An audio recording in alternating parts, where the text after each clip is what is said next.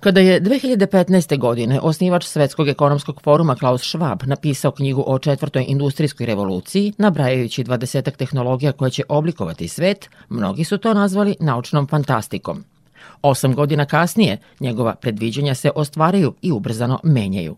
Upravo to jeste smisao Svetskog samita vlada u Dubaju. Pokrenut 2013. godine, samit je u središte pažnje stavio kreiranje vlada budućnosti, koje će biti sposobne da prate dinamične promene, ubrzaju razvoj, upravljaju krizama. Samit je počeo odavanjem počasti žrtvama katastrofalnog zemljotresa u Turskoj i Siriji, koji je još jedan dokaz krhkosti, neotpornosti i nepripremljenosti sveta za brze globalne odgovore.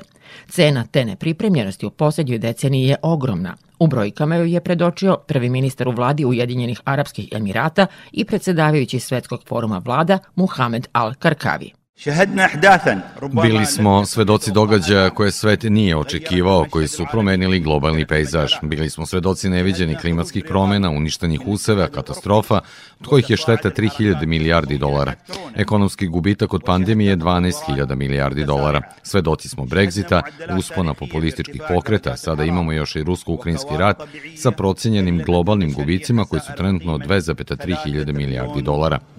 Iz Dubaja je početkom sedmice stigla prva dobra vest u ovoj godini. Direktorka Međunarodnog monetarnog fonda Kristalina Georgijeva izrazila je umereni optimizam zbog prvih znakova oživljavanja svetske ekonomije. Ipak bila je oprezna. The biggest surprise is that the picture while it remains Najveće iznenađenje je da je situacija, jako dalje zabrinjavajuća, sada to manje nego pre dva meseca. I dalje nam predstoje godine usporenog rasta, relativno visokih kamata, jer inflacija neće ispariti. Znači, nije sada mnogo bolje, nego je manje loše. less bad. Među učesnicima samita u Dubaju bio je i na početku pomenuti Klaus Schwab. Pre oko mesec dana na forumu u Davosu priznao je da model globalizma, čiji je utemeljivač, više ne funkcioniše i da je neophodno prilagođavanje globalnim političkim promenama u svetu u kojem nastaju nove supersile. Njih, osim država, čine i kompanije. Otud da je sa posebnom pažnjom u Dubaju bilo isprećeno obraćanje Ilona Maska. Znate, često govorimo ono što mislimo da bi drugi želeli da čuju. Ohrabrio bih lidere izvršne uprave, ministre, zakonodavce da govore autentično, da objasne svoju politiku. Znam da ponekad brinu zbog kritika, ali to je u redu. Mene stalno kritikuju. To je odlično za otvorenu komunikaciju. Da, ponekad se dešavaju i greške, ali to je način da radite. Tehnološki tajkun koji je ignorisao samit u Davosu, nazavši ga samitom svetske vlade koja nikom nije potrebna, ovim je dao nedvosmislenu podršku skupu u Dubaju. Po čemu je on specifičan, pitali smo pravnika i analitičara Branka Pavlovića. To je mnogo glamuroznije i veće po broju učesnika e, nego, nego Davos, i to je samo po sebi poruka Zapadu da se moć, ako ne seli, onda svakako razvija i na drugom kraju sveta, a ne samo pod pokroviteljstvom Zapada. To je prvo. Drugo, multilateralizam u Davosu se misli propišemo celom svetu šta ima da bude, pa je multilateralizam u tome da svi to moraju da prihvate. A ovde u Dubaju se skreće pažnja na važnost drugih zemalja. Što se samih traganja tiče, jedni i drugi potpuno isključuju uticaj globalističkog imperializma na nevolje s kojima se svet suočava. A 99% svih naših nevolja proističe iz globalističkog imperializma, ne iz E, klimatskih pitanja ili e, pandemija i tako dalje. Da, Davos polako postaje istorija, potvrdio je i njegov osnivač, ukazujući na to da nove tehnologije ubrzano pomeraju granice, stavljajući pred buduće vlade nove zahteve, viziju, ambiciju, sposobnost brzog prilagođavanja i pre svega spremnost da ulažu u razvoj. And we are just now Upravo sada smo u fazi eksponencijalne brzine promena, od veštačke inteligencije do neospace tehnologije, sintetičke biologije. Naši životi će za 10 godina biti potpuno drugačiji. Onaj ko bude gospodario tehnologijama, gospodarit će svetom. Ne možete da kaskate i nadoknađujete, morate da vodite. U suprotnom, bit ćete na strani gubitnika. U takvoj podeli Srbija se na samitu predstavila svojim primjerom. Premijer Kana Brnabić na panel diskusiji o održivom razvoju na delu istakle posvećenost vlade tehnološkom razvoju i njene rezultate u sektoru informacijono-komunikacijonih tehnologija. Ukazala je i na ključne kontradiktornosti aktualnog trenutka. Posebno frustrira to što se ovo dešava u vremenu kada smo otkrili najveće bogatstvo, tehnologiju, Ako sarađujemo i delimo iskustva, tehnologija može stvoriti dobrobit za sve. Kakva je pozicija Srbije, odnosno kakve su pozicije malih država u onom što je Švab nazvao hvatanjem koraka sa tehnologijama? Velike sile kao što su Indija, Kina, Rusija pa i mnoge druge su u zadnjih 20 godina izuzetno ojačale ne samo finansijski nego i tehnološki i e, informaciono i vojno, tako i međusobno se povezuju i njihov uticaj na međunarodnoj političkoj sceni je sve značajniji. Tako da zemlje u razvoju ni te male države poput Srbije neće imati nikakve šanse. Dakle, bit će večito zarobljene u tom konceptu globalističkog imperializma ako se ne budu oslanjale i uklapale u novonastajući veliki svet koji je pre svega oličen u Šangajskoj organizaciji za saradnju, BRICS-u i država koje žele da se priključe modelu multilateralizma koji se zastiva na ne mešanju unutrašnje stvari i konceptu koji omogućava razvoj svima, tako da okretanje ka e, svetu u širem smislu, to je budućnost za sve zemlje sveta pa i za Srbiju. Za siromašni deo sveta tehnologija je i dalje nedostupna, što ciljeve zacrtane u Dubaju unapred osuđuje na neuspeh, jer dok razvijeni svet razgovara o četvrtoj industrijskoj revoluciji, u siromašnim zemljama je milijardu ljudi bez hrane, struje, vode – a solidarnost ne postoji, opominje direktor UNDP-a Gerd Miller. Da, G20 zemlje. Uložile su ogroman novac u sobstvene ekonomije, ali su odbile da finansijski podrže najsiromašnije. To je realnost ovog sveta. Imamo rešenja, tehnologiju i znanje za rešavanje globalnih izazova, ali ono što nedostaje jesu globalna solidarnost i politička volja. Pitanje je imali je i sada, ili je sva ta naveliko deklarisana politička volja i solidarnost potrošena na Ukrajinu, baš kako upozorava Kristalina Georgijeva. We lost because of Russia's war in Ukraine.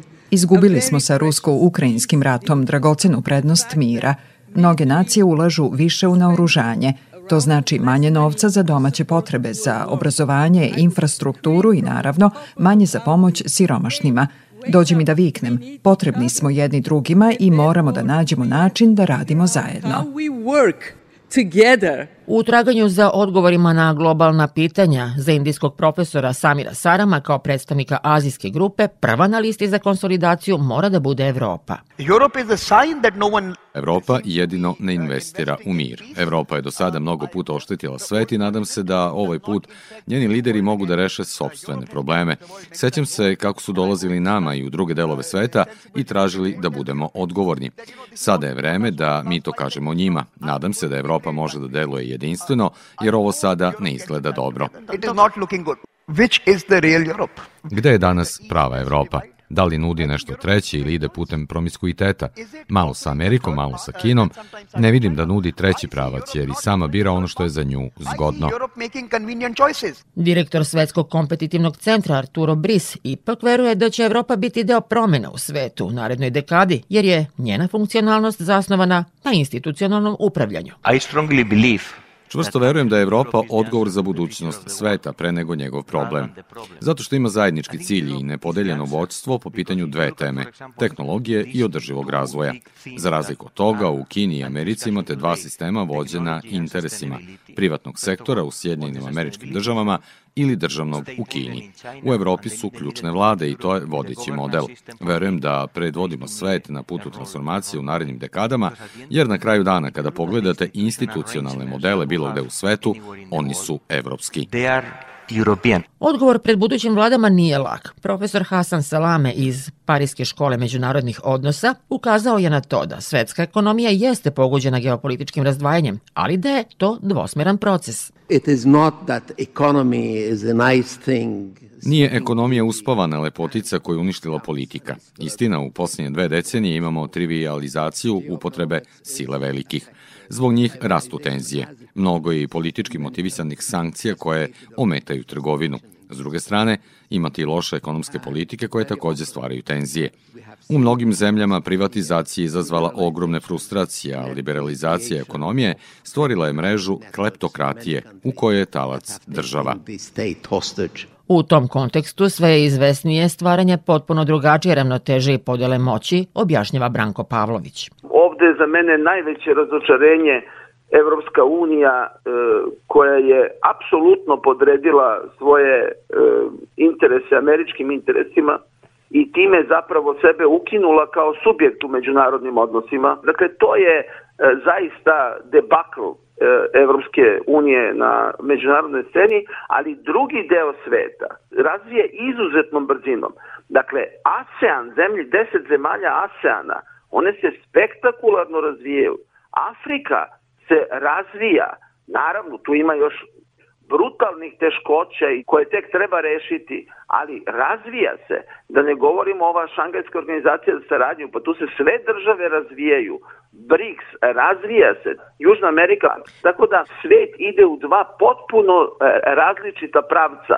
Na jednoj strani Amerika misli da je poslednji trenutak da po svaku cenu izdejstvuje svoju dominaciju u svetu, i na drugoj strani preko 80% čovečanstva misli da je ovo odlučni trenutak da se ide ka jednom stvarnom multilateralizmu u kome ima mesta za simultani razvoj svih. Međunarodni događaj, poput prva dva ovogodišnja, sigurno imaju uticaj na te procese, ali domete ipak diktira njihova suština, a nju čini bitka za prestiž, odnosno za očuvanje prednosti. Dakle, Dubaj promoviše sebe, to znači organizatoru u broju država koje su poslale svoje ministre ili neke još više zvaničnike da prisustuju tome da bi vladajuća porodica Ujedinih Arabskih Emirata i Dubaji dobili na ceni na međunarodnoj platformi. To tome služi. A Davos služi tome da sto i više milijardera budu na jednom mestu gde će onda za ručkovima i večerama, uopšte ne na panelima, završavati i dogovarati stvari koji treba da zapravo izigraju propise o tržišnoj utakmici. Ako bismo se okupili mimo toga, onda bi bilo sumnjivo. Svetski samit vlada bio je ove sedmice mesto brojnih bilateralnih susreta, više od 300 diskusija, desetine promocija.